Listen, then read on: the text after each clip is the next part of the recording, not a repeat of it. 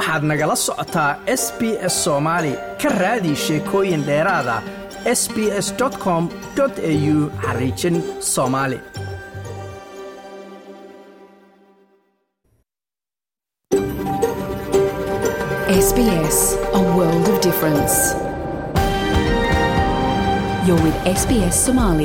on mobile, online, and on radio. waxaad nagala socotaan s b s soomaali oo aad ka heli kartaan mobil online iyo rediyoga habeen wanaagsan akhyaarta hawada nagala xidhiidhay waa barnaamijkani laanta af soomaaliga ee idaacadda s b s. Caawa waa habeen jamco ah oo labaatan iyo toddobada bisha janawari ah sannadka labada kun labaatan iyo saddexda barnaamijka caawa waxa uu idinkaga imanayaa stuudioga magaalada melbourne waxaana idinla socodsinaya anigoo ah maxamed madar. Waxyaabaha aad idaacadda caawa ku maqli doontaan waxaa ka mida waraysi aan la yeelanay faarax warsame isaga oo labaatan iyo lixdii janawari oo shalayta khamiistii ahayd qabtay xafladda soddon iyo saddex guuradii ururka jaaliyadda soomaaliya melbourne ee uu hogaamiyo.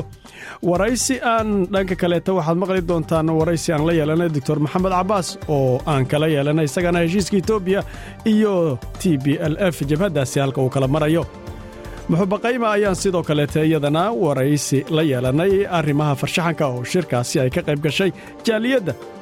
Sidoo kale shirkii culimmada ee soomaalida ee culimaa udiinka oo isagana soo gabagaboobay iyo warbixinno ka soo baxay. Jiilkii hore ee jaaliyadda soomaaliya oo kulankaasi jaaliyaddana abaalmarin lagu siiyey qaar ka mid a oo iyagana aan qaar ka mid a waraysi la yeelannay haatan qodobadii warka ugu dorka rona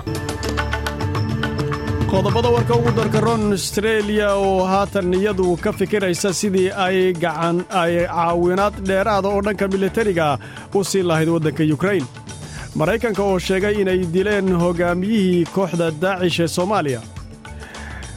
Kadib dhibaatooyinka dhanka karaahiyadda islaamka ka dhanka kanada ayaa waxay u magacowday ergey gaara oo la ka hortaga islaamafobiyada waxaa loo yaqaano. Haatana warkii oo fidsan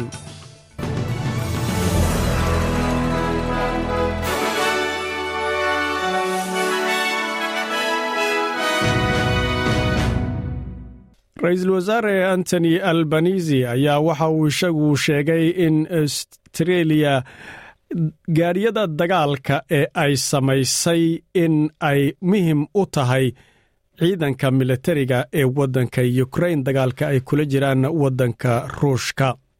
Astreeliya ayaa waxa ay haatan siisay waddankaasi yukrain caawinaad gaadhaysa lix boqol konton iyo shan milyan oo taageero ah iyadoo ay ka mid tahay oo dhanka militariga waxaa ka mid ah sagaashan baabuurta bush masterka la yidhaahdo ee lagu daldalo ciidamada. Safiirka waddanka yukrain ayaa isagu waxa uu ka codsaday waa ninka la yidhaahdo vaisel maroshnicheko. Waxa uu yidhi caawinaadda waddanka australia ee dhankaasi muhiim ayay u tahay albanisi oo isagu arrintaasi ka hadlayeyna waxa uu yidhi.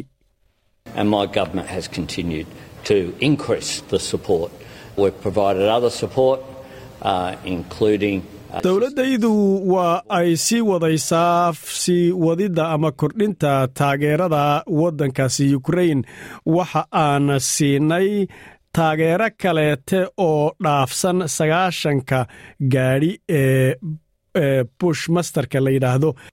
Laakiin wuxuu yidhi waxa aan siinaynaa sidoo kaleete tababar dhanka tababar dhanka ciidanka ah.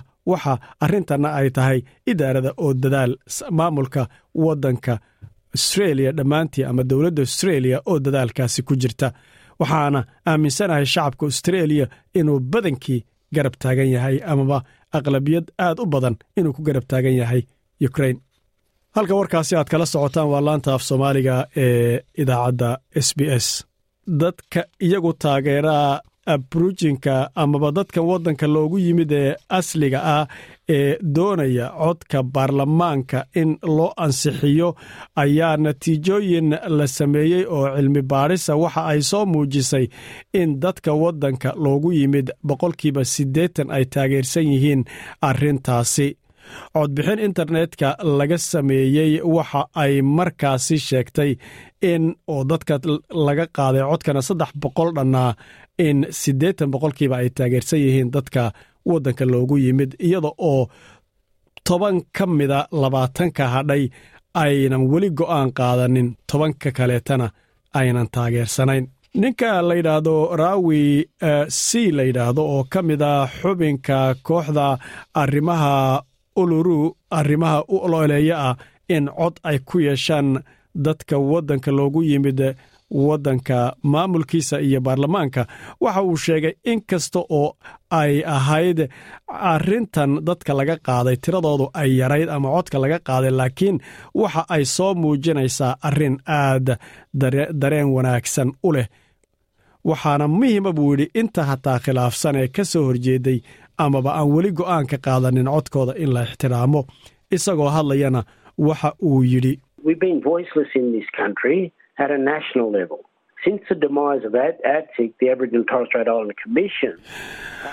Wax coda ma aanan ku lahayn buu yidhi waddanka heerka qaran laga soo bilaabo markii guddida dadka degaanka ee ay beri lahaayeen oo adsig la odhan jiray la kala diray hoggaan ma aana lahayn buu yidhi waxaa jiray arrinta firaaqa ah amaba iska bannaan ee cidna aynan matelin heerka qaran. Waxaan rumaysnahay buu yidhi wakhtigu haatan in la gaadhay si loo helo qaab dadku ay ku samaystaan cid matasha oo markaana siyaasiyiintu aynan ka taaban karin.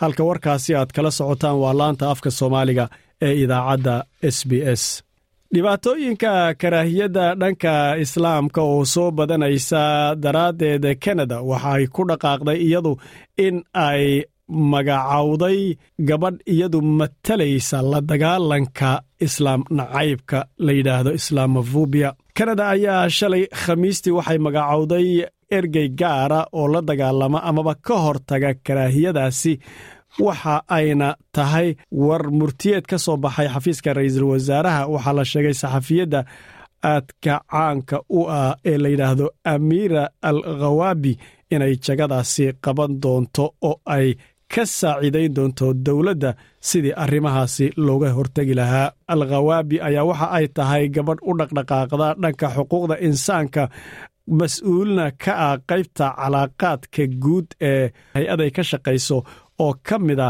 hay'adaha waddanka kanada arrimaha isirka ah ee sida looga hortago dhibaatooyinkana ka howlgasha. Halka warkaasi aad kala socotaan waa laanta afka soomaaliga idaacadda s b s. Maraykanka oo sheegay inay dileen hogaamiyihii kooxda daacish ee soomaaliya. Dowladda maraykanka ayaa war-saxaafadeed ay soo saartay ku sheegtay inay dishay hogaamiyihii sare iyo xubno kaleeto oo markaasi ka mid ahaa dagaalyahanada daacish ee soomaaliya kadib howlgal ciidan oo maraykanku uu ka fuliyey buuraha puntland ku yaalla war-saxaafadeedka ayaa waxaa soo saartay wasaaradda difaaca ee dalka maraykanka laguna sheegay in ciidamada maraykanku howlgallo qorshaysan ay ku dileen koo iyo toban xubnood oo uu ka mid yahay ninka la yidhaahdo bilaal al suudaani oo isagu hogaamiyaha daacish ee soomaaliya ahaa. Bishan janawari shan iyo labaatankeedii ayaa amar ka yimid madaxweynaha. Wuxuu militariga maraykanku uu howlgallo gaar ah ka fuliyey soomaaliya halkaas oo lagu dilay xubno ka tirsan daacish oo uu ku jira ninkaasi bilaal al suudaani dowladda maraykanku sida ay sheegtay wax dhiba oo ka soo gaaray weeraradaasina mayna jirin waxayna sheegeen inay rabeen inay ku qabtaan ninkaasi isagoo nool gacanta ay ku dhigaan balse ciidamadii la socday oo dagaal iska caabina ku dhaqaaqay daraaddeed ayay falkaa dilka u dhacay. Haatanna khiyaarta hawada lagala xidhiidhaya haddaynu fiirino dhanka hawada berrito khamiista beth waa qoraaxa soddon iyo kow heerka kulkuna uu gaadhi doono. Adhalid ayaa sidoo kaleete la filayaa xogow in tiixtiixa roob roob tiixtiixa inuu ka jiro soddon inuu gaadhay heerka kulkuna la filayaa. Melbourne ayaa xogow daruuraha la filayaa in lagu arka cirka heerka kulkuna uu isku shareero soddon iyo shan. Hobart ayaa iyadana la filayaa heerka kulku soddon iyo sagaal inuu gaadho xogow daruuraha cirkuna uu yeesho. Kambera heerka kulka waxaa la filayaa soddon iyo afar inuu gaadho cirkuna xogow daruuraha uu yeesho. Sydney ayaa la filayaa soddon inay gaadho xogow daruuraana uu yeesho. Brisbain ayaa iyadana roob tiixtiixa laga filayaa heerka kukuna soddon inuu gaadho. Dhanka sarifka lacagta halka dollar australiyaanka marka lagu sarrifo maraykanka waa eber dhibic toddobaatan iyo kow sentis haddii dhanka kale loo bedelana halkii dollar ee maraykana waxaa lagu sarrifi hal dhibic afartan sentis oo markaana australiyaana akhyaarta hawdaa nagala xidhiidha intaasi qodobadii aan dhahna warkii ayaa noogu dhammaaday. Haatana qadar yaro xaysiisa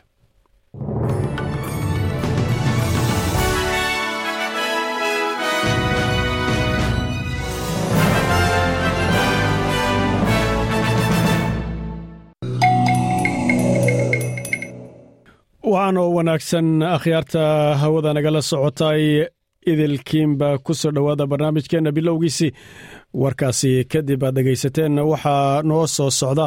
Waraysi aan la yeelanay doctor maxamed cabaas oon kala yeelanay arrimaha etoobiya heshiiskii dhex maray xukuumadda iyo t b l f jabhaddaasi. Sidoo kaleete muxuba qayma oo iyadana shir ama kulan jaaliyadda melbourne ay qabsatay qayb ka ahayd oo farshaxanada ayaan iyadana farshaxankeeda iyo saamaynta uu leeyahay aan ka waraysanay. Shirkii culimaa u diinka soomaaliyeed ee muqdisho ka socday oo soo gabagaboobay ayaa go'aamo ka soo baxay waryaheennu uu noo soo diray. Warbixintaasna waan idin haynaa. Isla shirka jaaliyadda oo shalay amaba shalay khamiistii lagu qabtay jiilkii hore ee jaaliyadda wax ka soo aasaasay qaar ka mida oo halkaasi lagu abaarmariyey ayaan qaar ka mida waraysi la yeelannay haatanse bilowga barnaamijkeenna waraysyada waraysi aan la yeelannay faarax warsame oo isagu labaatan iyo lixdii janawari qabtay xaflad saddex iyo soddon guuradii ururka jaaliyadda soomaaliyeed ee uu hogaamiyo oo xafladdaasi ay ahayd xaflad ballaadhan oo mas'uuliyiin australiyaana ay ka soo qayb galeen jaaliyadda. Qaybo ka mida oo fara badanna ay ka soo qayb galeen ayaan waraysi kala yeelannay arrimaha jaaliyadda iyo xaaladda ay marayso. Haatan ku soo dhowaada aniga oo weydiiyey dareenkiisa jaaliyadda haddaba iyada oo soddon iyo saddex guuro uu u dabaaldegay ururkaasi isagu uu haatan hogaamiyo. Waa mahadsantahay walaal madar sidoo kale waxaan rabaa inaan u mahad celiyo idaacadda s b s qaybteeda afka soomaaliga. Runtii waa ku faraxsanahay inaan caawa idla joogo waraysana ay iga qaadaan.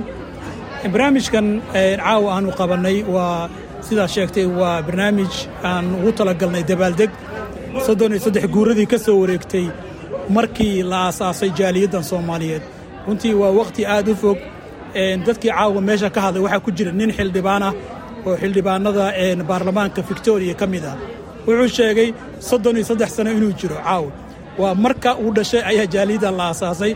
Runtii annaga ka community ahaan farxad bay noo tahay inaannu caawa munaasabaddan u dabaaldegno waxaan rabnay markii hore inaan soddon guurada aan u dabaaldegno laakiin maadaama waddankan uu ka jiro xanuunkan kofidka la yidhaahdo oo dadkii iyo adduunkii kala xanibay ayaannu waxaannu hel hadda fursad u hellay inaannu qabanno. Marka waxaan runtii rabaa waxaan soo marnay runtii hawl aad u culus aadna u fara badan. Keliya waxaa dareemi karaa qofka jaaliyadda ka soo shaqeeyey ayaa dareemi kara shaqada jaaliyadda ku dhex jirta. Marka annagoo runtii shaqadaa dheer soo qabannay. Dad badan oo jaaliyadda ka midna ay runtii ka faa'iidaysan jaaliyaddan intay jirtay ayaannu haddana halkaan isugu keenna caawa inay nagala qayb qaataan munaasabaddan waxaannu ku casunnay munaasabadda dadyow kala duwan. Sidaa sheegtay xubno aad u fara badan oo ka socda baarlamaanka ayaa joogay. Waxaa joognay xubno sarsare oo booliska victoriya ka socda. Waxaa joogay dadkii xitaa aasaasay jaaliyaddan oo ay ka mid yihiin runtii aan jeclahay weliba inaan xuso una mahadceliyo halkan ayaa joogay. Waxaa ka mid ahaa ninka la yidhahdo cabdiraxmaan jaamac geyre. Waxaa ka mid ahaa cumar faarax oo loo yaqaano cumar dhoolowaa waxaa ka mid ahaa injineer cabdulaahi aadan.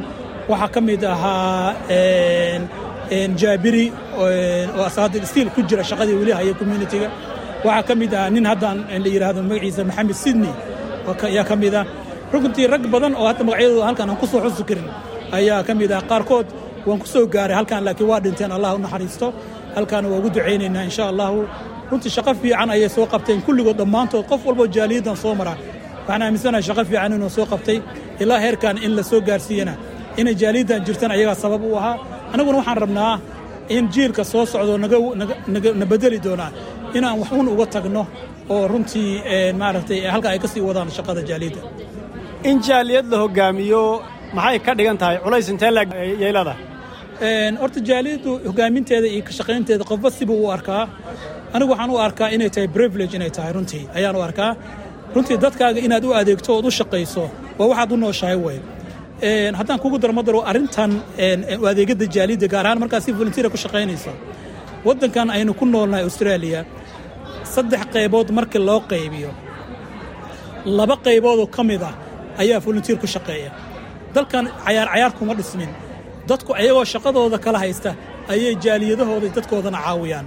Marka waxaan rabaa dadka soomaalida ah inay bartaan arrintaasi sababtaan mararka qaarkood aan dadka martida u marti qaadino meesha u keenayna bay ka mid tahay in wax laga barto waxyaabaha wanaagga dalkan australia ay ku horumareen laga barto dadkoodii lagu celiyo soomaaliya la geeyo ayaan rabnaa runtii.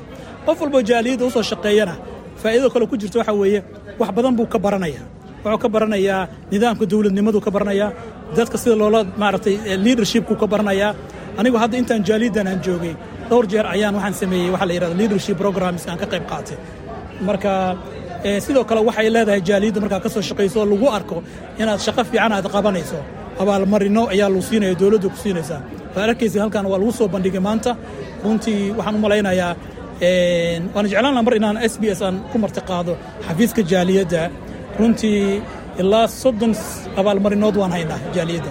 Inta keliya anta aan ka shaqaynayna jaaliyadda inta in la siis qofna wax iska kaasiin mayo ilaa uu ku arko waxa aad qabanaysid marka ayagana runtii waan rabaa inaan u mahad celiyo waxaan jaaliyadda soomaaliyeed ee halkan ku nool rabaa inaan u sheego jaaliyadda u shaqaynteeda faa'iido badan baa ku jirta. Waxa ugu horreeya waxa weeye dadka soo galootiga waddankan soo gala waxay u baahan yihiin meel ay ka bilaabaan haddii aysan garanayn sistamka waddanka way ku wareerayaan. Marka waxayna sameeyaan way noo yimaadaan advice bayna weydiiyaan waan waan u sheegnaa meelahay tegayaan. Sidoo kale xitaa marka maxaa la dhahaa dadkan dalkan kan joogo dadkooda u yeeranayaan waan ka caawinaa maxaa la yidhaahdaa haddii ay qabaan problems kale oo support letters ayaan u qornaa. Haddii ay rabaan carruur iskuul inay geysaan waxaan u qornaa waraaqaan u qornaa. Marka waxyaabo badan oo faa'iide ah oo dadka qofka loo qabtay iyo qofka u shaqaynaya uun garan karo ayaa ku jiro runtii aad muhiim u ah. Sababto tusaale yar baan ku siinaya qofka raba inuu waddankan guri ka abalaay gareeyo waxa ugu horreeyo la weydiinaya markuu applicationka xaraynaya waxaa leeyahay communitygaaga warqadan ka soo qaadata waa inuu waa inuu annaga nagu soo noqdaa oo warqadda naga qaata. Marka qofkii garanaya wuu garanaya already warqadda wuu naga sii qaataa laakiin qofka kalena waa la soo celinayaaba. Applicationkaaga lama soo celinaya applicationka waa laga qaban laakiin waxaa la odhanaya ku soo daro warqad support letter communitygaaga ka soo qaata. Marka faa'iidooyin aad u fara badan waxaa kaloo intaa dheer waxaanu qabannaa munaasabado tan caawa oo kale ay ka mid tahay. Waxaan qabannaa maalinta kowda juulaay oo maalin runtii nagu weyn annaga ka soomaali ahaan ayaanu qabanaa bannaankaan isugu soo saarnaa dadka carruurta maaragtay bannaanka u soo baxda. Intaasoo keliya maahan waxaan kaloo xataan samaynaa. Dadku waxaan u noqonnaa runtii mentor. Hadda for example dhalinyaro badan oo hadda shaqo full time a haysataa. In badanoo ka mida aniga jaaliyadda soo mara marka hore ka soo shaqeeyaan ama volunteer ahaan ha ugu soo shaqeeyaan ama ama staff ahaan ha ugu soo shaqeeyaan. Dabadeedna markii la bartay oo networkingkii wixii dhan ay ku xirmeen maanta waa shaqeeyaan full time bay bay shaqooyin full time ay haystaan runtii. Garta garta maadaama jaaliyaddan iyo maamulkan aad ka dhaxasheen raggii aad maanta sharafta aad ku soo dhowayseen ee duqaydii hore dhallinyaro badan baa iyagana haatanna adigana kaa dambeeyo laga yaabo inay mustaqbalka ay sii diyaarinayaan. Maxaad isu diyaariseen? Maxaad dhallinyarahaasne maxaad soo dhowaynahoo aad aad samayseenoo? Aad dadaalkaa xaggeed ka waddaan runtii anoon isfaaninayn runtii dhalinyaro dhalinyaro badan ayaan aan isku dayay aniguna jaaliyadda ku soo daro ka shaqeeyaan qaar ka mida xataa mar waxaa jirtay aan hayay kalaab sport aan hayay. Intaan jaaliyadda imaan aniga jaaliyadda keliya kama shaqayn sportska xataa waan ka soo shaqeeyey marka afar sanaa waxaan hayay kalaab sports oo runtii ilaa laba boqol iyo konton carruur soomaaliyeed ay ku jireen wakhtigaas isaga ah dad dhallinyaraha soomaaliya oo dad dhallinyaraha soomaaliyeed ayaan u tababarnay sida ay barnaamijkan oo kale ay u qaban karaan. Markii ay barteenna kalaabkii waan ku wareejiyey iyagaan ku wareejiyey. Dhallinyarada soomaalida ah iyagana cillad baa haysata. Dhinaca kalena cillad bay macnaha dhibaata xagga kalena kaga timaada dadka waaweynah cilladda ayaga haysata cillad ma ahan iyagu inaysan waxba garanayn ma ahan runtii dad actifa luqaddii koowaad ku hadlaya weeye laakiin cilladda haysta waxaa waaye mararka qaarkood luqadda soomaaliga ku adag inay dadka kula hadlaan dadka waayeelka. Jaaliyadduna in badan xoog wax badanoo ka midana dadka waayeelka waxbay qabataa. Cilladda marka xagga dhinaca kale ka imaanaysa ka waalid ahaan annagoo kale ka imaanaya waxaa weeye dhallinyaradii lama shaqaynayno. Qofku markuu furantiga soo istaago uu yidhahdo waxbaan qabanaya wuxuu u baahan yahay in la caawiyo wuxuu u baahan yahay in la garab istaago in lala shaqeeyo u baahan yahay for example kalaabkii annagu aan hayno carruurta dhallinyaradaasi markaan ku wareejino wax la shaqeeyay waaye waalidiintii o dhan baa ka baaqata runtii wejis unfortunate. Laakiin marka waxaa loo baahan yahay dadka communitygu dhallinyaradooda si dhiirigelin bay u baahan yihiin dhallinyaro badanoo wax qaban kartaan haysanaa runtii. Dhallinyaradaas marka si ay wax u qabtaan waa inaan annagu la shaqayno keliga waxma qaban karaan. Way ku adkaanaysaa. Ugu dambaynta maxaad oga tegi lahayd dardaaran ama baaqa dadka jaaliyadda si guud dhallinyarada maxaad maxaad dhihi lahayd munaasabaddan adoo ka faa'iidaysanaya? Wallaahi waxaan odhan lahaa jaaliyadda soomaaliyeed in la ysku xidhnaado mar walba la yska warqabo la ys ogaado wax walbaa tumoroo dhici kara. Marka in la ys ogaado weliba dadka communitiga ama jaaliyadda wax qabanaya ee wanaagsan oo shaqada fiican u hayaa in la ixtiraamo. Birito qof kalaa imaanaya qofkii meeshii ma sii joogayo jaaliyaddana waxaan ka codsan lahaa in ay runtii ay u soo istaagaan waxqabadka jaaliyaddooda iyo sidoo kale dadka waddankan aynu ku noolnahay cayaar cayaar umaan iman waddankan. Waxaan u imid inaan wax contribution inaanu ka geysano iyadana waxaa la rabaa inay dhinacaasi sektaradaasi weliba dowladda dhinaceeda inay galaan sektarada booliska oo kale inay ka qayb galaan. Yacni dhallinyaradana saasaan ku dhiirigelin lahaa. Waana jeclaan lahayn runtii mustaqbalka. Dad dhallinyaro ah oo hawshaa naga beddelaa inay noo yimaadaan. Kaasi wuxuu ahaa faarax warsame oo aan ka waraysanaynay soddon iyo saddex guurada ururkaasi jaaliyadda ee uu hoggaamiyo oo shalayto khamiistii lagu qabtay galabnimadii lagu qabtay waa labaatan iyo lixda janawari shir markaasi soddon iyo saddex guurada loogu dabaaldegayey akhyaarta wada nagala xidhiidhay iyadoo ay noo soo socoto barnaamijteenna kaleeto ay ka mid tahay muxuba qaymaa oo gabar farshaxana oo iyaduna shirkaasi ka qayb gashay faarax warsame aan ka waraysannay oo qaybta farshaxanka iyaduna soo bandhigtay ayaan iyadana ka waraysannay shirkii culimmada ayaa isaguna soo gabagaboobay oo muqdisho ka socday. Go'aama ka soo baxayna waan idinka haynaa. Jiilalka ama jiilkii hore ee jaaliyadda soomaalida iyaduna raggii soo hogaamiyey qaar ka mida oo habeenkii habeen hore markaasi ama galabnimadii shir kulankaa socday lagu abaalmariyeyna rag ka mida ayaan waraysi. Idinka haynaa haatan waa doctor maxamed cabbaas oo isagu ka faallooda arrimaha siyaasadda. Ayaan ka waraysannay heshiiskii etoobiya iyo jabhadda t b l f meesha uu ku dambeeyey waxaana weydiiyey bal heshiiskaasi halka uu ku dambeeyey bal inuu naga warramo. Doctorku wuxuu yidhi bismi illaahi raxmaan iraxiim madar waad mahadsantahay adiga iyo laanta af soomaaliga idaacadda s b s ee magaalada melbourne. Saan ognahay heshiiskaas waxaa waday ururka midooda africa iyagoo u xil saaray madaxweynihii hore ee dalkaasi nigeria obasanjo muddo dheer kadib wejigii hore kenya lagu qabtay markii dambena dalka koonfur africa labadii bisha november labada kun iyo laba iyo labaatan ayay dowladda federaalka etoobiya iyo jabhadda t b lftu ay heshiiska wada saxeexeen.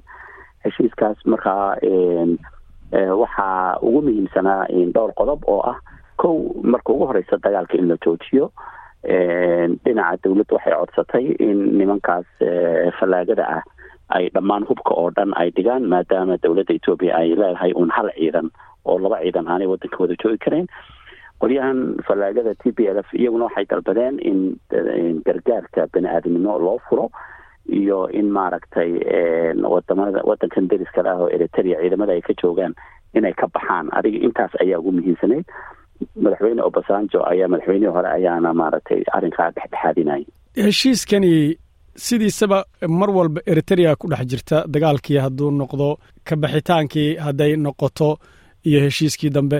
Eritrea maxay ka matalaysaa heshiiskan? Runtii iyagaaba lafdhabar u ah sababtoo ah in dagaalka dagaalka qeyb weyn ayay ku qaat ay ka qaateen in maaragtay nimanka fallaagada la jebiyo oo oo saad ogtahay sannadkii labada kun iyo koob iyo labaatankii ku goodinayay inay soo aadi doonaan. Dhinaca caasimada dowladdana ay kala diri doonaan. Marka awood aada u ballaaran oo xagga ciidanka oo dowladda federaalka etoobiya ay ka heshay eritrea ayaa qeyb weyn ka qaatay in nimankii jabhadda ahayd nimanka falaagada ahaa ee t b l f si xun loo jebiyo. Marka mar walba wadahadalka iyo arrin kasta oo u dhexaysa dowladda federaalka etoobiya iyo falaagada t b l f eritrea qeyb weyn ayay ka tahy haatan hadday noqoto heshiiskaasi marar badan warar baa soo baxaya ku saabsan saamaynta heshiiskan siyaasadda heerka caalamigu ay ku hayso. Sideed u aragtaa heshiiskaas iyo saamaynta ay ku leeyihiin dalalka siyaasadaha adduunka ku tun weyn saameyntooda warbixin ay qortay bishan aynu ku jirno janaayo koob iyo labaatankeedii. Wargeyska weyn ee maraykanka ka soo baxa ee wall street la yidhaahdo. Waxa uu sheegay in in maaragtay dowladda etoobiya inay horta heshiiska ogolaataba qeyb weyn inay ka tahay. Booqashadii ra'iisul wasaaraha etoobiya abiy axmed uu ku tegay dalka maraykanka isagoo qeyb ka ahaa shirkii weynaa ee dhex maray madaxda africa iyo dowladda maraykanka. Bishii labiyo tobnaad ee sannadkii hadda la soo dhaafay ee laba iyo labaatanka shirkaas oo ahaa qaaradda africa madaxdeedii oo dhan iyo dowladda maraykanka oo shirayay ayaa arrimihii lagala hadlay ra'isul wasaaraha. Waxaa ka mid ahaa etoobiya in uu sida ugu dhaqsaha banaan colaadaa dhameeyo. Weliba gooni waxaa ula hadlay wasiirka arrimaha dibadda ee maraykanka. Marka warbixintaas oo aan soo indeindeeyey madar waxay sheegaysaa in dowladda etoobiya inay heshiiska aqbasho qeyb weyn maaragtay ay tahay culayska kaga imanaya inkastoo heshiisku november dhacay laakiin culays badan la saarayay dowladaha reer galbeedku in in maaragtay dowladda etoobiya ay ay soo afjarto colaada ka oogan gobolka tigray waxaa kaloo jira marka laga soo tago hardanka falaagada t b l iyo dowladda etoobiya iyo eritrea meesha ku jirta waxaas hardanka gobolka ka dhacay oo dhan marka laga soo tago sheekada asalkeedu waxa weeye oo gobolkan bariga africa uu hadiyo jeer colaada iyo deganaansho la'aanta uga adoosan tahay waa hardanka weyn ee ka dhexeeya dowladaha waaweyn oo iyaga badanaa aan tooshka lagu qabanayn hardankaas oo hadda dhex maraya maraykanka iyo yurubiyaanka reer galbeedka oo dhinaca iyo dowladahan kale oo shiinaha iyo ruushka oo dhinaca. Marka maadaama gobolkan bariga heshiiska markaad fiiriso qaabku u dhacay t b l f iyo dowladda etoobiya oo dagaalo aada u kharaar wada galay. eritreyana dhan ay ka ahayd oo dowladda ay raacsanayd oo dhan ku jirtay yaa ku khasaaray ama yaa ku faa'iiday.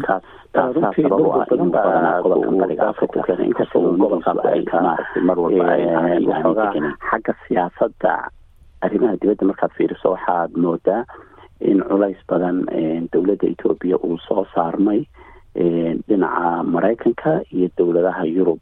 Oo maaragtay wejigii hore ee loo hayay uu hoos u dhacay xagga siyaasadda weya laakiin xag ciidan ahaan marka la fiiriyo runtii nimankaa falaagada ahaayo niman dhib badan ah oo iyagu muddo dheer etoobiya soo xukumayay aynu ognahay soddon sano ku dhowaad deegaankii waa ka burburay ciidankoodii xooggiisii waa la jebiyey dadkoodiina in gudaha qaxoonti ku ah iyo in dhinaca suudan u carartay ayay noqdeen marka labada dhinac haddii la fiiriyo khasaaraha ugu weyni ciidan ahaan iyo dhaqaal ahaan iyo burbur ahaanba waxa uu soo gaaray nimanka fallaagada ah iyo iyo deegaanka ay degan yihiin ugu dambeynta haddaan dhanka kale etoobiya heshiiska kadib weji kee ayaa la filayaa inay u muuqato sababtoo ah haddaynu dhan kale u eegno heshiiskan andhaho dagaaladan iyo heshiisyadan haddan ku xigayba waxaad moodaysay in laysku haystay. Etoobiya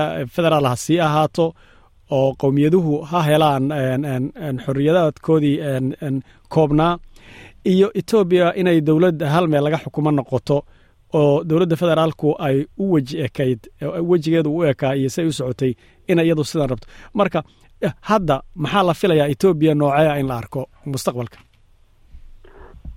Kolley siyaasaddu way isbedbedeshaa laakiin sida dastuurka etoobiya uu qorayo madar waxaynu la wada soconaa waxay ku dhisan tahay ethnic federalism oo ah dowlad maaragtay dhexe oo qoomiyadaha etoobiya ay qoomiyad waliba ay si gooniya isu maamulayso oo maaragtay dowlad federaala inay tahay oo oo ku dhisan xagga qowmiyaadka marka soomaali amxaaro tigray oromo canfar marka kaasi wuu jirayaa oo maaragtay waa sida nidaamka iyo dastuurka uu sheegayo laakiin marba ninka meesha jooga oo nidaamka federaalka iyo siduu u dhaqmo taasi waa arrin kale laakiin qaabka ay ku socon doonto waxay u eg tahay qaabkii hadda ay ku soo socotay oo ah inay ahaato dowlad nidaam federaal ah oo qowmiyaad ku dhisan.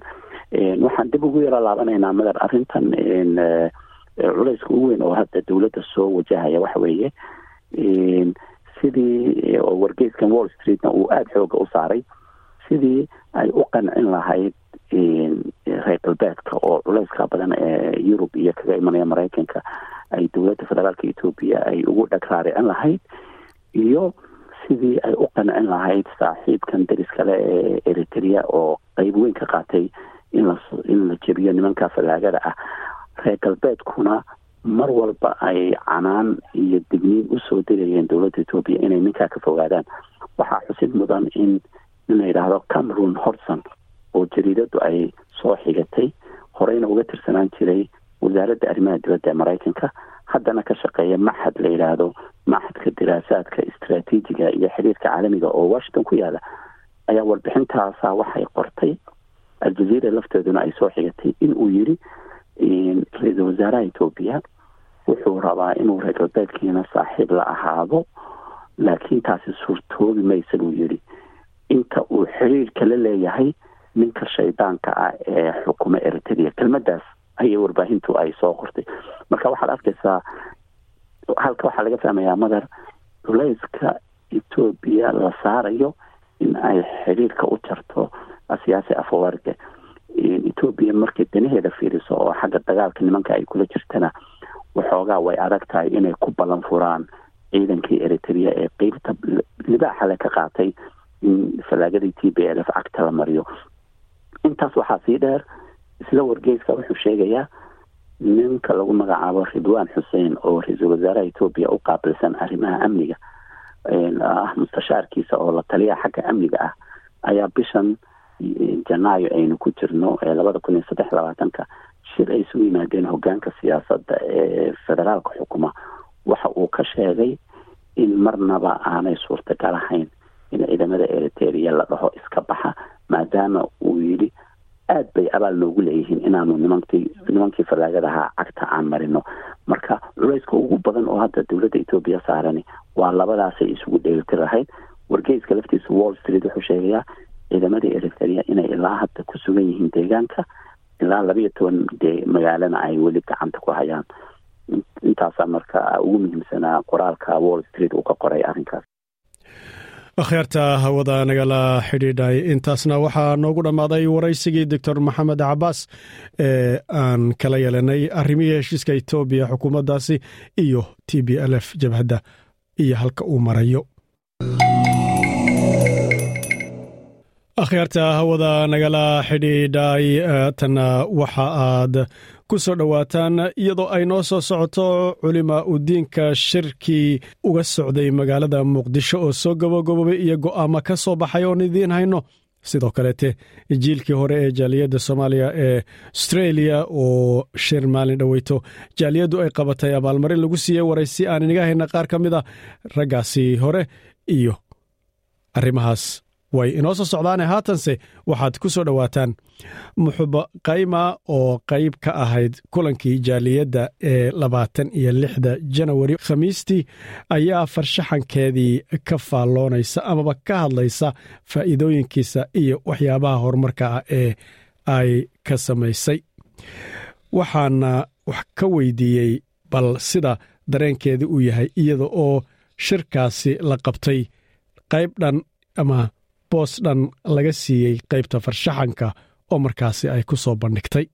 Waxayna tiri maantay maasha allah waxaa waaye aad iyo aad baan maxaan kore u faraxsannahay soomaaliya oo dee waxaan moodaya mar dhow in la imaaday ila israeliya waa wax badan baanu joognayba.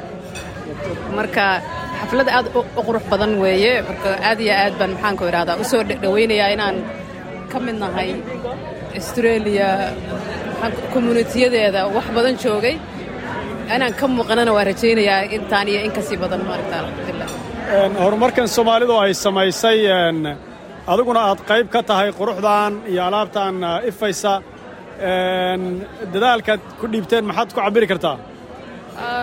Runtii waxaa weeye meel kastoo aan joogno horta soomaali haddaan nahay inaan ka muuqanno waa jecelnahay waana sax maaragta waa wax dee waajib nagu ah. Marka hiddiya dhaqankeennana meel kastoo aan joogno inay ay ku jirto oo ka soo muuqatana waxaa weeye waa wax aad u qurux badan. Aniguna waxaan ka mid ahay hooyooyinka aad iyo aad u taageera inay maaragtaa hiddiya dhaqankeennii iyo quruxdeennii iyo kaljarkeennii uusan dhumina meel kasta maaragtaa aan ku soo bandhigno. Marka alxamdulilah runtii aad bay u qurux badan tahay maanta. Runtii markii la fiiriyo xafladda oo inay soomaali leedahay la ogaado meesha la iman karo ee soomaalinimadii laga hubsan karo oo halka aad taagan tahay iyo meesha adigu aad wax ku soo bandhigtay marka dadaal intee in leeg baa kaaga baxay? Runtii wax badan baan geliyey oo iiga baxay oo ma aragtaa inaan halkan ka helo australia maadaama waddan fagaan badan ay tahay aan waddankeeni waxba laga soo keeni karaynin. Sida maaragtaa dhiishii haantii raarkii waxyaalo badan oo cawskii halkan inaan ku sameeyo oo aan isticmaalo australia cawskeedii iyo resourcekeedii badnaa maaragtaa geedihii iyo wax kastoo ay lahayd. Inaan u beddelno dhaqankeenni soomaaligana aan gelinno runtii wax badan bay igu qaadatay. Laakiin haddana waa waxa ay caawiyey weedarka waddankan waa soomaaliya oo kale. Marka cawskii iyo geedihiina aad bay ugu badan yihiin. Marka sidaasaan jaaniskaas uga helay oo jaanisku ii caawiyey da'yarta iyo dadka hadda soomaalida meesha jooga marka ay daawadaan maxay dareemaan? Maxay adiga adiga maxay kuu soo celiyaan oo hadalaho ama mahada runtii waxay dareemaan inay ma aragtaa dhaqankii iyo kaljarkii uusan dhuminin oo weli maxaanku idhahdaa australia adduunka dabadiisa ah laga isticmaalo. Marka dadka dadka waaweynna waa u xiise qabaanoo way weydiiyaan oo xiisahaas maaragtaa iyo kaljarkeenna dhaqankii way danaynayaan dadka yaryarna wax cusuboo qurux badan buu leeyahay iyo inaan dhaqankan quruxda badan lahaan jirnay aad bay iyagoo laftirkooda u jecel yihiin inay bartaan oo arkaan dhaqankii oo ma aragtaa. Isagoo weliba dad badanoo ciyaalo dhan oo waddankii tageen waxay ii sheegeen waannu aragnay habar waxay dhaheen waddankii waa tagnay. Haddana weli cawskan hadda la samaynayo maanaan soo arkinin.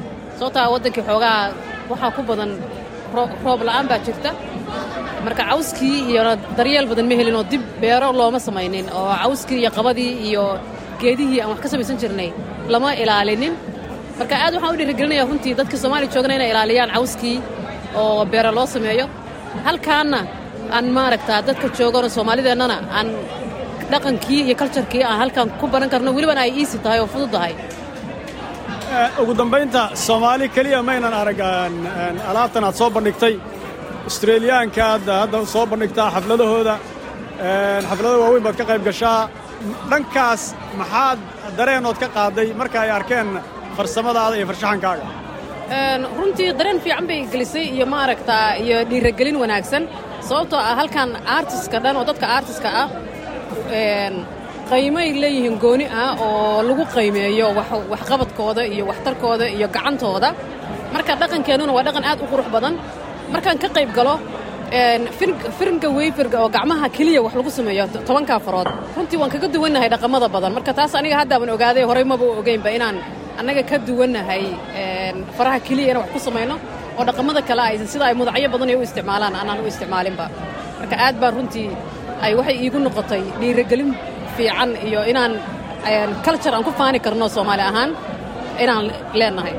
Ugu dambaynta maxaad u jeedin lahayd da'yarta laga yaabo inaynan wax badan dhaqanka aqoonin ama dadka aan fursad u helinba inay dhaqankii si fiican ay u dhex oo waddankii iyo soomaaliya iyo meelo badan ay uga bogtaan. Runtii dhallinyarta halkan waxaan ku aad iyo aad ugu dhiirigelin lahaa inay horta helaan meelo badan oo dhaqanka laga barto welibana afka. Aad iyo aad waxaa dhallinyardu ugu baahan tahay inay afkii bartaan sababtoo ah dhaqanka alaabtan magacyadooda waa waxay u baahan tahay qofka hadduusan soomaali garanayn magaciina ma garan karo oo alaabtaani ay lahayd oo hidiyo dhaqanku lahaa. Marka da'yarta waxaan ku dhiirigelinayaa inay magacyada bartaan soomaaligana maaragtaa ay la sii baro loo sameeyo meelo badan oo soomaaliga lagu barto in la sameeyo. Akhyaarta hawada naga dhagaysanaysay intaasna waxaa ku dhan muxuba qayma gabadha farshaxanka qaybta ka ahayd shirka jaaliyadda ee labaatan iyo lixdii janawari dhacay ayaan iyadana waraysiga kooban la yeelanay. Shirweynaha culimaawdiinka soomaaliyeed oo saddexdii maalin ee la soo dhaafay ka socday magaalada muqdisho ayaa la soo gebagabeeyey iyadoo laga soo saaray go'aano ay ugu weyn yihiin in dagaalka ka dhanka ah xarakada shabaab ay culimmada ku qeexeen jihaad islamarkaana qofkii ku geeriyooda uu yahay shahiid sida culimmadu ay sheegeen shirweynahan oo xiritaankiisii uu ka qaybgalay ra'iisul wasaaraha xukuumadda federaalk ee soomaaliya xamse cabdi bare ayaa waxaa ka qaybgalay culimaaudiinka kala duwan ee soomaaliyeed kuwa oo ka kala yimid qaybaha kala duwan ee gudaha iyo dalka dibaddiisii waxaana ugu dambayntii laga soo saaray warmurteedkan oo qodobada ku jira ay ka mid yihiin. Shirweynaha ayaa isla qaatay in culimmada soomaaliyeed ay si walaaltinimo iyo isku duubni ah ugu adeegi doonaan diinta iyo ummadda arrimaha la isku khilaafsan yahayna loo xalinayo si cilmi iyo cadaalad ah. Shirweynuhu wuxuu isku raacay in al-shabaab daacish shiicada iyo kooxaha lamidka ah ay yihiin kooxo habowsan oo ah cadowga diinta islaamka iyo ummadda soomaaliyeed.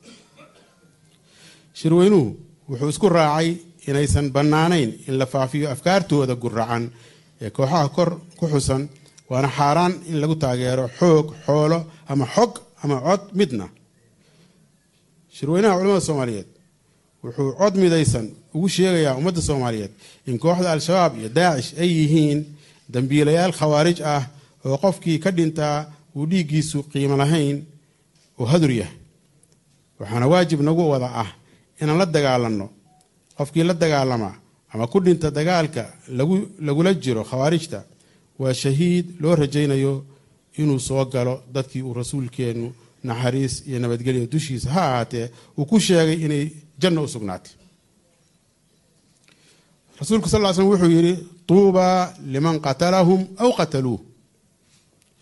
Shirweynaha culamada soomaaliyeed wuxuu isku raacay in la macaamilka kooxaha khawaarijta ah nooc kasta uu yahayba sida xoolosiinta garsoor u doonasho iyo in la qariyo qof iyaga ka mid ah uu xaaraan yahay kana soo horjeedo dhaqanka suuban ee diinteennu nafartay. Shirweynuhu wuxuu isku raacay in qofkii la wadaaga dowladda xogta khawaarijta uu ajir uga helayo alla agtiisa maadaama uu ka qayb qaatay badbaadinta shacabka soomaaliyeed. Shirweynuhu wuxuu u cadaynayaa ummadda soomaaliyeed in dagaalka lagula jiro khawaarijta uu yahay jihaad lagu difaacayo maqaasida waaweyn ee shareecada islaamka badbaadinta diinta nafta hantida caqliga iyo sharafka qofka aadanaha ah. Shirweynaha culamada soomaaliyeed isaga oo ka amba qaadaya in diintu ay tahay arrin si isku mid ah u taabanaya in diinku uu yahay mid si isku mid ah u taabanaya muwaadiniinta soomaaliyeed wuxuu caddaynayaa in culamada soomaaliyeed oo isku duuban ay dowladda ku garab taagan yihiin dadaalka ay ku horumarinayso hanaan lagu ilaalinayo diinta islaamka islamarkaasna waxaan isku raacnay in dowladda federaalk soomaaliya ay mas'uul ka tahay ilaalinta diinta. Shirweynahan waxa uu si gaara ugu duceeyey culimaadudiinkii soomaaliyeed ee la laayay saddexiylabaatankii bishii janawari kun sagaal boqol shan iyo toddobaatankii isagoona aada uga xun dowladdii xilligaasi joogtay oo iyadu ku dhiiratay tallaabo abuurtay kalsooni daro iyo kala shaki soo kala dhex galay dowladda iyo culimmada soomaaliyeed. Waxaana shirweynaha uu go'aan ku qaatay in shir sanadaadka culimaadudiinka soomaaliyeed laga dhigo saddexiyolabaatanka bisha janawari sanad kasta shirweynaha culamada soomaaliyeed wuxuu uga mahad celinayaa wasaaradda diinta iyo awqaafta ee xukuumadda dan qaran oo fulinaysa ballanqaadkii siyaasadeed ee madaxweynaha jamhuuriyadda federaalk soomaaliya doctor xasan sheekh maxamuud abaabulka iyo taabagelinta shirkan qiimaha badan oo martigeliyey qeybaha kala duwan ee culamada soomaaliyeed oo ka kala yimid daafaha dunida caasimadda muqdisho iyo dhammaan gobollada dalka. Shirweynuhu wuxuu si gaar ah ugu duceeyey culimadii la laayay saddexlabaatankii janaayo isaga oo aada uga xun in dowladdii xilligaas joogtay ay ku dhiiratay tallaabo abuurtay kalsooni darro iyo kala shaki kala soo dhex galay dowladda iyo culimmada. Shirku isaga oo xusaya shuhadadaasi wuxuu qabsan doonaa shir sanadeedka culimmada soomaaliyeed maalinta saddex labaatanka janaayo ee sanad kasta shirweynuhu wuxuu ku bogaadinayaa madaxweynaha jamhuuriyadda federaalk soomaaliya doctor xasan sheekh maxamuud inuu noqday madaxweynihii ugu horeeyey ee la yimaada aragti bisil oo dib oo dib u heshiisiinaya dowladda diinta iyo culimada isaga oo ka tacsiyeeyey dhacdadii xanuunka badnayd ee lagu laayay culimada janaayo ugu dambayntii shirweynaha waxaa lagu xusay in meesha laga saaray shakiga culimaadudiinka qaybahooda kala duwan ku kala dhex jiray iyadoona si weyn loo cambaareeyey falkii foosha xumaa ee dhowaan lagu gubay meel fagaara ah. Dalka sweden kitaabka qur'aanka kariimka iyadoo biliiska dalkaasina ay goobjoog ka yihiin. Akhyaarta hawada nagala socotay barnaamijkaas shirka culimaa u diinka soomaaliyeed ee muqdisho ka socday iyo qodobadii ka soo baxayna waxa aad ka dhegaysateen wariyaheenna cabdilxafiid saciimka oo ka soo diray muqdisho. Akhyaarta hawada nagala xidhiidhay ku soo dhowaada barnaamijkeenna qaybtii ugu dambaysay oo isaguna markaasi ka mid a shirkii ama kulankii jaaliyadda oo markaasi ka dhacay shalayto oo dadkii ama jiilalkii hore lagu abaalmariyey ayaan waxaan ka waraysannay cabdiraxmaan jaamac gayre oo ka mid ah madaxdii ugu horreysay ee jaaliyadda shalayto ururkaasi shalayto shirka qabanayey oo uu ahaa madaxweynihii ugu horreeyey ama guddoomiyihii ugu horreeyey u soo noqday. Ayaan waraysi kala yeelannay bal dareenkiisa isaga oo soddon iyo saddex sano kadib uu ka qayb galay iyadoo ururkii iyo jaaliyaddii markaasi uu soo maamulay oo iyaduna weji kaleetale waxaa kaloo waraysi aan la yeelannay isagana oo isla waraysiga ku jira saciid shiinlo oo isaguna ka mid ah jaaliyadda astreeliya ee magaalada melbourne oo ka mid ah ragga jiilalka hore isagana ka agdhowaa haatanna labadaasi waraysi soo dhowaada oo isku guda jira. Baarakallah adeer aad iyo aad ayuu u fiican yahay dareenkaygu waxaan mar horena xusay saddex iyo soddon sano ka hor beertii aan bilownay abuurkeeda midhaheedii baan caawa aragnay xaflad cajiiba oo aad loo soo abaabulay oo aad loo agaasimay oo madaxdii kuwo maaragtay ilaa konsulka iyo degmada oo dhan iyo victoria oo dhan ay ka soo qayb galeen soomaali community dad badan oo soomaalida bulshadii soomaalida ahna ay ka qayb gashay aad iyo farxad aad iyo aad u weyn bay ii ahayd waxaa ii dheeraa waxaan kula kulmay dadkii aan hawshaan wada bilowday anigu markii u horraysay unbaa guddoomiye la ii doortay mooyaane dee rag baa hawsha isla wadnay raggii aan waagaa hawsha isla bilownay ayaan caawa halkan kula kulmay. Waxaan ku xusuustay oo kuwa dhintay ilaahay naxariistii jannaha ka waraabiyo oo caawa dhan waan u ducaynayay. Waxaan kaloo ku xusuustay dad kale oo na kaalmeeyey oo aad iyo aad waagaas ka qayb qaatay. Guddigaan ahayn laakiin ka qayb qaatay. Oo hadda uu ka mid ahaa nin caawa halkan xusayeyoo soomaalidu waxay u yaqaaneen xasan ciro hadda xamar buu degan yahay oo waa ganacsade macnaa ninkii ugu horreeyey gurigiisa nagu martiqaaday aanu isugu nimid oo fadhigii u horraysay oo qadada maalintaa gurigiisa noogu sameeyey macnaa wax la iloobi kara maahayn qayb aad u weyn wakhtiga ayadaa dadku say fahmaan guryo badani ma jirin dabcan. Oo la fadhiisan karaba ma jirin. Midda kale in anigu intaan ka ogahay guri ninka keliya oo soomaaliya oo guri ku leh buu ahaa. Altoonu guri ku lahaa. Saasaan anigu kolley u haystaa. Guri fiican buu ku lahaa. Marka ma jirinba qof markaa intaasu qof isu keeni karay oo meel isugu keeni karay.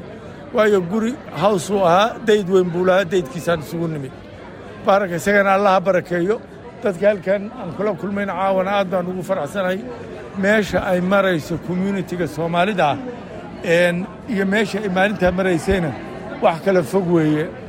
Marar badan kolley dhib baa la soo arkay laakiin maanta waxaan joognaa meel ay horay uga socon karaan. Ilmahoodana ay ka tusi karaan waxa ay yihiin. Waxaan mar walba soomaalida kula talinaya mar kasta. Carruurtiinna iyay iloobin afka soomaaliga ilmihiinnu inta uu af soomaaliga barto ayuu diintiisii iyo dhaqankiisii iyo waxa uu yahay yaqaannaa haddii uu afka ka tago isaguna wuxuu noqonayaa meel dhexoo wuxuu yahay ma garanayo. Wuxuu qofku dhalaana waxba inooma aha. Taa ogaada aad baadna u mahadsanti aad iyo aad ugu dambaynta adigoo dadka aad caawa arkaysa la hadlaya aad arrintan aad bilowday midhaheeda caawa aad ku faraxsan tahay dardaaran haddii si lagu yidhaahdo maxaad maxaad siin lahayd? Dardaaranka u weyn aan siin lahaa labada arrimood aan hadda xuseen weeye midnimo. Inaad ilaalisaan oo aysan ina taaban waxyaalaha waddanka ka jira iyo dhibaatooyinka kor iyo hoos u dhacaya. Dardaaranka u weyn oo aan inay odhan lahaa waa ka. Dardaaranka labaad oo qiimaha iiluhuna waxaa weeye arrinta ah dhaqankiinna iyo afkiinna ha ka teginnina. Carruurtiinnana bara kuna adkeeya ogaada carruurtiinnu waxay dad aad dhashay soomaali yihiin intay afkooda yaqaaniin dhaqankooda yaqaaniin diinta diintoodana intaas raad weyn bay ku leedahay haddii aysan saa dhicin iyaguna nusnus bay noqonayaan kuway dhalaanna waxba isuma ahin taana hana ogaan labadaasaa igu weyn mar walba aad baa umahadsanta cabdiraxmaan aad iyo aad adaa u mahadsan baarak allahu fiika fursaddaad siisay saciid maanta xafladdan weyn ee soomaalidu ay dhigatay qayb weyn baad ka ahaydeen weliba idinka si gaara laydinku sharfay adiga gurubaad ka mid ahayd. Dareenkaaga? Aad baa ugu farax. Gelinaysaa soddon iyo saddex sano. Ayaa loo dabaaldegay caawa oo waddanka markaas maba imaan mana imaan doonin. Hadda ilaa labaatan iyo sano ayaan joogaa. Waxaana maaragtay ugu faraxsanahay in dhallinyaradii ku dhalatay iyo kuwii horay hawshan u abaabulay jaaliyadda in ay caawa isku wada yimaadeen oo caawa halkan la isku wada arkay wax weyn baa la soo qabtay. Rag baa nool rag baa dhintay. Raggii noolaa oo odayaalah oo xilka hawshan qabtayna waa yimaadeen. Dhallinyarada hadda yaryarna way arkayeen. Kuwii dhexana waa kuwa hadda hawsha wada marka aad baan ugu faraxsanahay arrintaas. Aad iyo aad. Markaad fiiriso tirada la ysugu yimid mas'uuliyiinta yimid sida xafladdu ay u sarraysay dareenkaaga maxaad macnaha tidhi soomaalida iyo waxqabadkeeda markaad ku miisaanto taas waxay ahayd wax maarata midho dhal aad ugu weyn bay igu muuqataa sababta ah waxaa yimid hay'adihii dowladda waxaa yimid xubno ka socda golaha baarlamanka waxaa ka yimid hay'adaha ku taxalluqa arrimaha communitiyada iyo maanta maalin taariikhi ah maalintii ay australia xorriyaddeedii independent australian day tahay. Munaasabado badan waa isku beegmay. Caawa marka waa aad bay u farax gelinaysaa dadkan waa ku farxeen bulshada soomaaliyeed oo aad badan oo noocyo badan ka kooban xagga ururada bulshada kala duwan ayaa yimid hooyooyinka baa yimid gabdhihii yimid dhallinyaradii wiilashii gabar odayaal religious groupkii odayaashii diinta. Noocyadii kala duwanaa ee jaaliyado dhan bay ku dhan aad bayna u faraxsanaayeen. Waxaana laga hadlay wixii ay taariikhda soo mareen iyo maanta meesha marayaan. Markaad miisaanto wakhtigaa dheer ee la soo bilaabay iyo wakhtiga haatan la marayo iyo qaabka ay haatan u geedi socodka soomaalida iyo waxqabsigooda.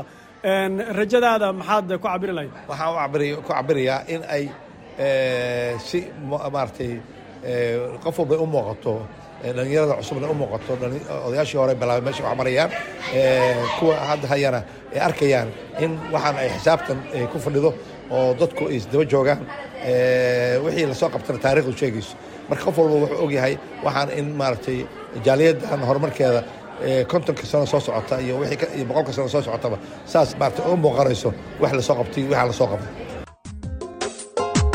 Intaasi waxaa noogu dhan barnaamijkeennii dhammaantiisa oo aan muddo hal saaca wada ka wada soconnay. Inta aan hawada ku kulmi doonno wakhtigan wakhtigiisa kaleeta ee barnaamijka aan leenahay waxaan idinkaga tegaynaa sidaas iyo nabadgelyo. Halkani waa laanta afka soomaaliga ee idaacadda s b s.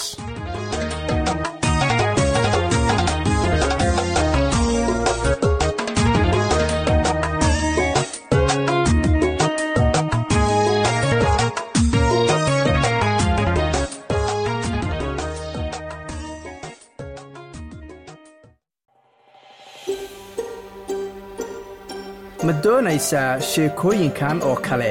Ka dhegayso apple podcast google podcast spotify ama meel kasta oo aad bodkastigaaga ka hesho